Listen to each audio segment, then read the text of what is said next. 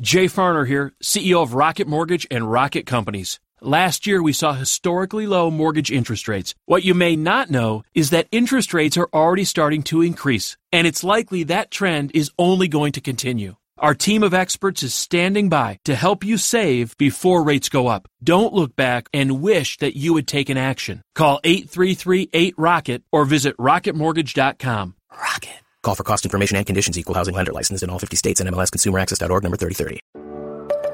This is what matters most, and I'm Matt Popovits. Look, life is crazier than ever, and lots of people, maybe even you, are feeling anxious and overwhelmed. Today's message is designed to help you figure out what's most important and to experience the peace and joy that God intends for you. Because life is a gift, and it shouldn't be wasted on worry. I'd like to give you a resource, something to help you navigate the road ahead. Just go to mattpopovits.com, click on the icon, and we'll send it to you. That's Matt, P-O-P-O-V-I-T-S dot com. And hey, if you happen to live in the Houston area, I'd love to see you on a Sunday morning at St. Mark in Spring Branch. Head to stmarkhouston.org to plan your visit. Here's today's message. Thanks for listening. Let me start with a quick poll of the room. Let me ask a question. Let's see um, how honest and transparent we're able to be this morning. Uh, raise your hand if you are willing to admit that you have authority issues. Okay, some of us are willing to admit that. Uh, the rest of us are either perfect or you're simply refusing to follow directions, which only proves my point. I think it's safe to say that, that all of us, in, in some way and in various forms, we, we struggle with authority. Um, let me give you some examples. If you've ever been rightfully ticketed for being illegally parked, only to think to yourself, there are murderers on the loose, and they're going to give me a ticket for being parked in front of a school, right? Then you've got authority issues. If you've ever received an email from your supervisor and you've thought to yourself, how is it that I answer to this idiot? Hitting a little closer to home, then you've got authority issues. Uh, if you've ever received a letter from your landlord about the way in which you take your trash out of the building and immediately thought to yourself, well, I'll just start piling my trash in the middle of the hallway to see how he likes it then, then you've got authority issues. If you, if you run towards power whenever it's an option for you so that you can leverage it over others, or even if you're one of those people who flees from responsibility, then you've got authority issues. Uh, here's the way in which we need to think about authority. No matter who you are or where you go, you will always be under it in some way. No matter who you are and where you go, you'll always be under it. And no matter who you are and how unimportant you feel, you will always, in some way, have it over somebody else. You'll always be under it, and you'll always have it in some way. Therefore, part of our growth uh, for those of us who follow Jesus, since this is something we're always going to be under, we're always going to be wielding, and we're always going to wrestle with, is the power we're under and the power we have. Part of our growth for those of us who follow Jesus is learning how to rightly deal with it in a way that glorifies God and brings blessing to others. We have to wrestle with this question of authority.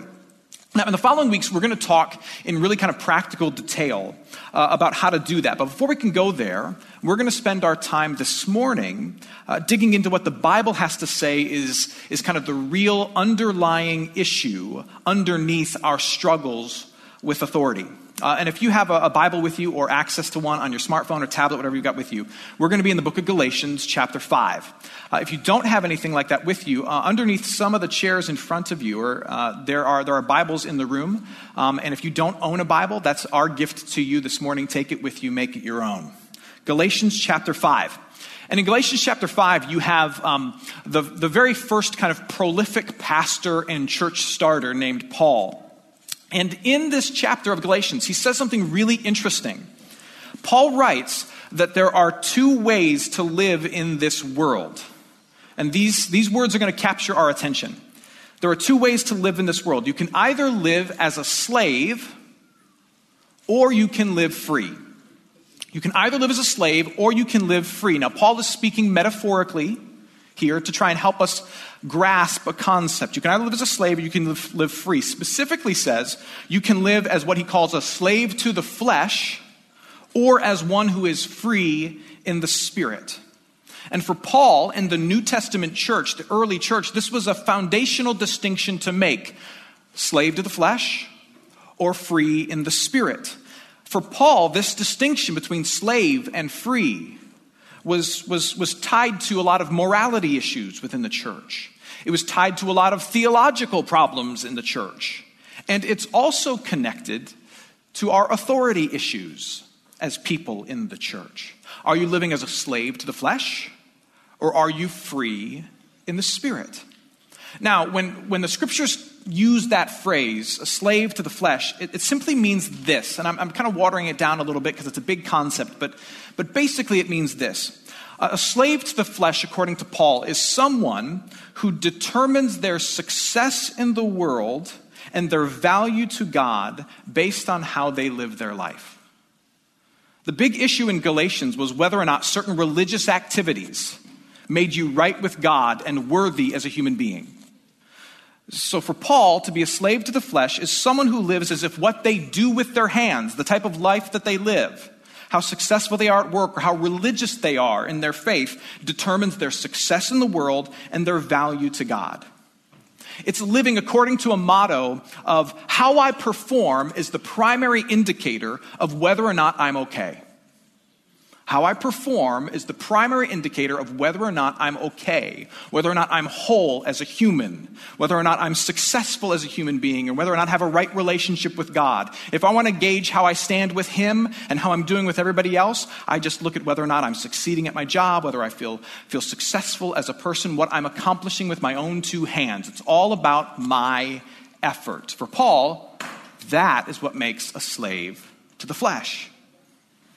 And here's the thing according to a, a biblical worldview, a, a scripture informed way of seeing things, the depth of our brokenness as human beings and the, the brokenness of the world is such that we are born into this world. We take our first breath unavoidably in that type of slavery. We're so broken and the world is so messed up that when we enter this world, we enter into it with that belief, with that approach to life that says, my worth, my success, my survival is all about who? Me. So when you were an infant, it starts really young. So when you were an infant, um, success, worth, value meant getting food and getting changed. And so something inside of you, you couldn't describe it then at that point in your life, said it's up to me, and so you cried. If I don't cry, I won't get fed. If I don't cry, I won't get changed. Later in elementary school, it was about you fitting in, and so you conformed to certain things. In high school, success, worth, okayness was about getting the girl, and so you decided to take a shower so you wouldn't smell. In college, it was about getting some grades, so you studied like crazy. For a while after college, it was about feeling loved, so you slept around. Or it was about having an escape, and so you did some drugs. Then it was about climbing a ladder in your career, so you worked like hell. And then it was about having some fun as an escape from your career, so you bought a cabin upstate. And then it was about getting out of debt, so you sold the cabin. And then later on, it's about saving some money so you can be set in retirement, so you squirrel some things away. And then later on, when you're 98 and nuts, it'll all come full circle. Because despite the fact that you will have fit in and gotten the girl and gone to school and owned a cabin and lived a comfortable retirement, it'll all come back down to being fed and changed, and so you will cry. If that approach to life is all that we know, that there are certain things that I need in order to be whole and successful, and it all comes down to my effort and my energy in order to get them, then, then, then the thing is, we never really arrive, do we? Because no matter what you accomplish through your own effort, something is always next that requires your effort. That's why Paul calls it slavery. If that's your only view of life, my effort and my accomplishments are the primary indicator of my wholeness and my okayness as a human being, you're caught because it never ends. That's why Paul calls it slavery. And so, and so then into that, into that that approach and attitude to life that we're all stuck in enters Jesus Christ and he changes the world. Jesus comes and he, and he introduces this new kingdom, he calls it, where, where it's grace based, where it's not about what you do, it's what God has done for you. And he, and he kind of tips over the table of thinking it's all about us. And he gives us this no work necessary way of getting right with God and feeling whole as a human. And that's critical for those of us who are new to Christianity. The framework that Jesus introduces is fundamentally opposed to the way in which you live your life apart from him. He gives us a no work necessary way of getting right with the Father and being whole as a human being. He upsets that entire system, and in doing so, he gives us what Paul calls freedom. Jesus enters in, and through his life, his death, his resurrection, he gives us a right relationship with God and a way to be complete as a human apart from our failures and our efforts. He gives us freedom.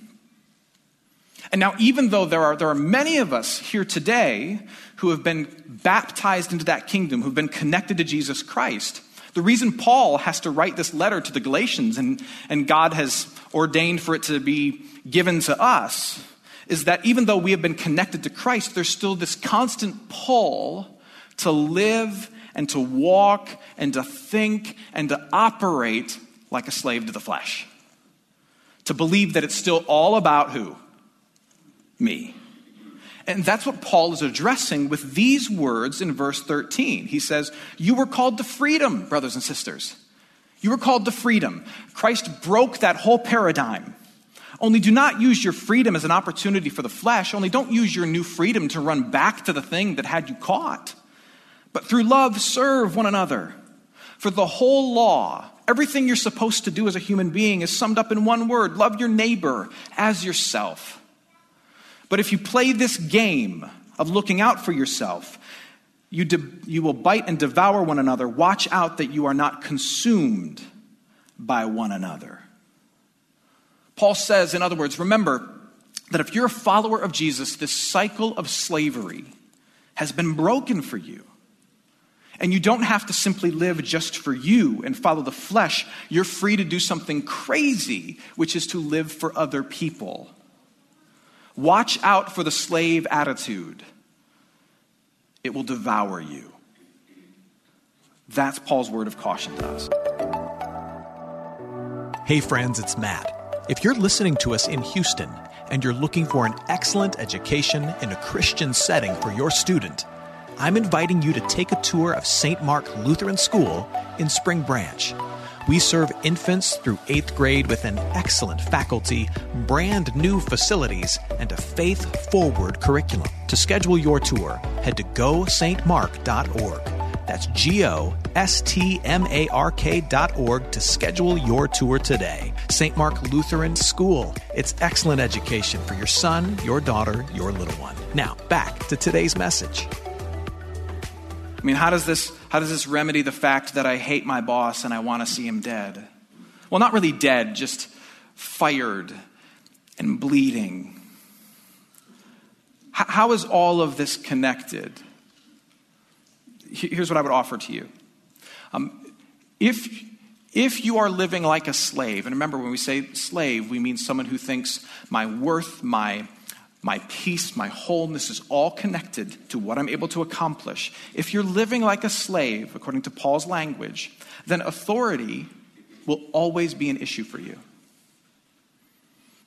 The power that people have over you and the power that's put in your own hands will always be a problem for you. If, if I'm living like a slave, my peace, my wholeness is all about my effort and my accomplishments, then I can't help but believe two things about authority. Number one, I can't help but believe that the authority that other people have over me is a threat to my well being. And I can't help but believe that the authority I have over others is, is a gift given to me for my gain. I mean, if my peace and my wholeness is all about what I can accomplish, then those who have power over me they're either helping me accomplish things or they're getting in my way. And the authority that I have has been given to me so that I might push myself forward and I might accomplish those things. If I'm thinking about life in terms of my success through my effort, then I can't help but see the guy I report to at work as someone who stands in my way. I can't help but think that the parent who tells me truth that I just don't want to hear is someone who doesn't get me. And that the cop who pulls me over on my way to something important is simply distracting me. And likewise, I will tend to use my position of power at work in ways that make me look good, in ways that benefit me the most. After all, my wholeness, my peace is all about me. Or I might get really freaked out when it's time to make a big decisions for fear of following it up and looking like a loser because my peace, my wholeness is all about me. And so I might not be one who, who runs towards power. I might run away from power because if I mess up the decision while I have the power, my wholeness and my peace is all in jeopardy. When you live like a slave to the flesh, authority becomes an issue. Because it's all about you. You loathe the people above you, they're getting in your way, and you use the people below you they're a tool for your own gain. Now, contrast that to the idea of being free in the Spirit. To be free in the Spirit means you've been forgiven of your sins through the work of Jesus Christ on the cross. You have been brought into God's family through his relentless pursuit of you. And now you have a new Holy Spirit inspired attitude towards life. When it says, free in the Spirit, it's talking about the Holy Spirit. You have a Holy Spirit inspired attitude towards life. It may be a really small little attitude that's yet to grow and really shape a lot of who you are, but, but this is the fruit of the Spirit inside of you. It says, My worth as a person is not proven by my position. My worth as a person is not proven by my personal accomplishments. My wholeness, my okayness is not about what I do. It's about what's been done for me through Jesus Christ. That's the attitude that the Holy Spirit imparts in you, and that Paul is urging his hearers, both in the past and today, to kind of fan into flame and say, if you're going to grab onto one idea, grab onto the idea that your wholeness is tied to Jesus Christ, not tied to your success at work or the shape of your family. You can't hold on to both ideas. Hold on to Jesus. What I do and what I have are not the gauges on my dashboard of life by which I measure my existence. I measure who I am by what's been done for me in Jesus Christ. I am forgiven by God through Jesus Christ, and so are you. I am loved by God through Jesus Christ, and so are you. I am being guided by the Holy Spirit of God through Jesus Christ, and so are you. And one day I will live in eternity with God, and everything else in this world is just icing on a grace cake. And that view towards life makes me free. I have what I need through Jesus Christ. I am free. And I'm free to live my life not looking to build up myself, but instead trying to serve my Savior. I have what I need through Jesus, so now I can take my position and use it, not to look out for myself, but at the expense of myself to love somebody else. And, and that's what Paul is trying to remind us of Paul is trying to remind us like crazy to, to approach our family life, to approach our work life, our church life with that kind of an attitude. I am free through the work of Jesus Christ. Listen again to what he says, starting out at verse 16. He says, But I say, walk by the Spirit, and you will not gratify the desires of the flesh. For the desires of the flesh are against the spirit, and the desires of the spirit are against the flesh. These two things are at war with each other. You can't, in one hand, say, I have my wholeness through the work of Jesus Christ, and say, I am my wholeness through my own effort. These two things are at war with each other. For these are opposed to each other to keep you from doing the things you want to do. But if you are led by the Spirit, if you are led by the Spirit, you are not under the law. When we when we fight to walk with this new attitude, it'll be better for all involved. When I fight to walk with an attitude that says, I have what I need through Jesus Christ, it's more beautiful. Uh, when I'm walking around with this new attitude, I'm free to believe some drastically different things about authority, for example. If I'm free in the Spirit, I have what I need through Jesus Christ, I'm free to see the authority I'm under as a gift through which God provides for me. When was the last time you thought of your boss that way? As a gift, an imperfect gift, but a gift through which God provides for you. And I'm also free to see the authority I have as an opportunity to love others, to say things like this What's best for those below me? What's best for the family members in my care? What's best for the team that I lead? rather than say, How do I get the team, the family, the direct reports to bless me? Wh- which way do you tend to live? It takes a little bit of reflection, and it's not an easy question to ask, but which way do you tend to live? Do you, are you walking like a slave to the flesh or living like a free man or a free woman in Christ? Remember who you are. You have been set free. And maybe you've never heard that before, but let me say it to you this morning. You have been set free. Your works do not determine your worth in the eyes of God. You are still lovely even if you're not the leader. Do you believe that? That the hierarchy of people above you is not a threat to you, but an imperfect means by which God provides for you. Do you believe that, that you have peace with the one who created the world, and so you don't have to fight to prove yourself to the rest of the world? Let me say that again. That you have peace with the one who created the world. You do not have to fight to prove yourself to the rest of the world. And having that kind of attitude is not something that happens without work. It's about, it's about getting up out of bed every morning and, and motivated by the Holy Spirit of God, you say to yourself, I will not fight the stupid battles for false freedom that everybody else does today. I will not fight the stupid battles for false freedom that everybody else does today. I'm going to love those around me. I'm going to do the best at my job. I'm going to be the best parent that I can, the best citizen I can, not so that I can build up my resume before God and in my own heart, but because I already have what I need through Jesus Christ. I will live free today. And I will use my freedom to love and serve other people rather than fight for myself. That's what I'll do. Because that's what Christ has done for me. Authority is a really strange thing. No matter, no matter no matter who you are, no matter how important you get, there will always be somebody above you. Always. And no matter how low or unimportant you think you are, there's always someone who's influenced by you. Who's under you.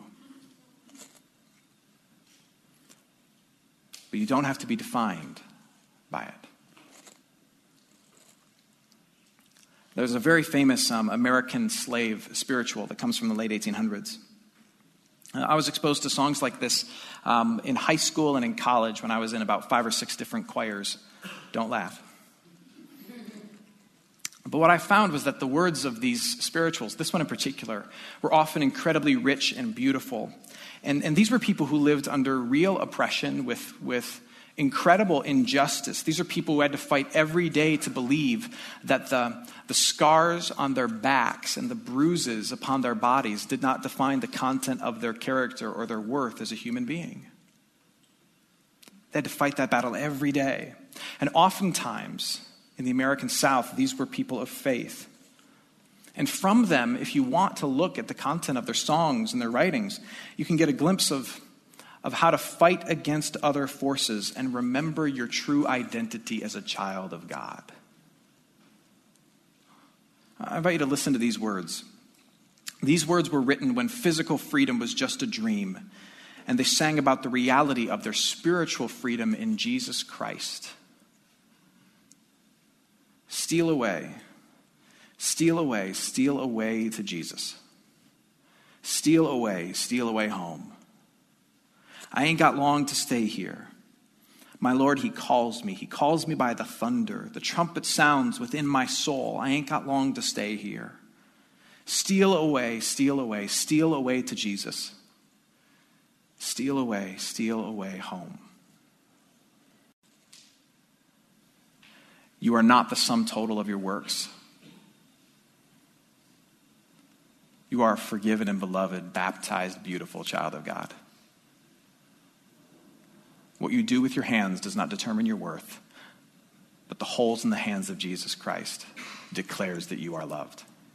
So love others.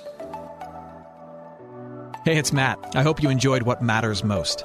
Here's what I need you to know life is a gift, and it shouldn't be wasted on worry. I want to help you figure out what's most important and to experience the peace and joy that God intends for you. So, for more content, you can head to mattpopovits.com. That's Matt, P O P O V I T S.com. There, you can also support this ministry as well as access your free resource, a little something to help you navigate the road ahead. I'd also love to see you on a Sunday morning.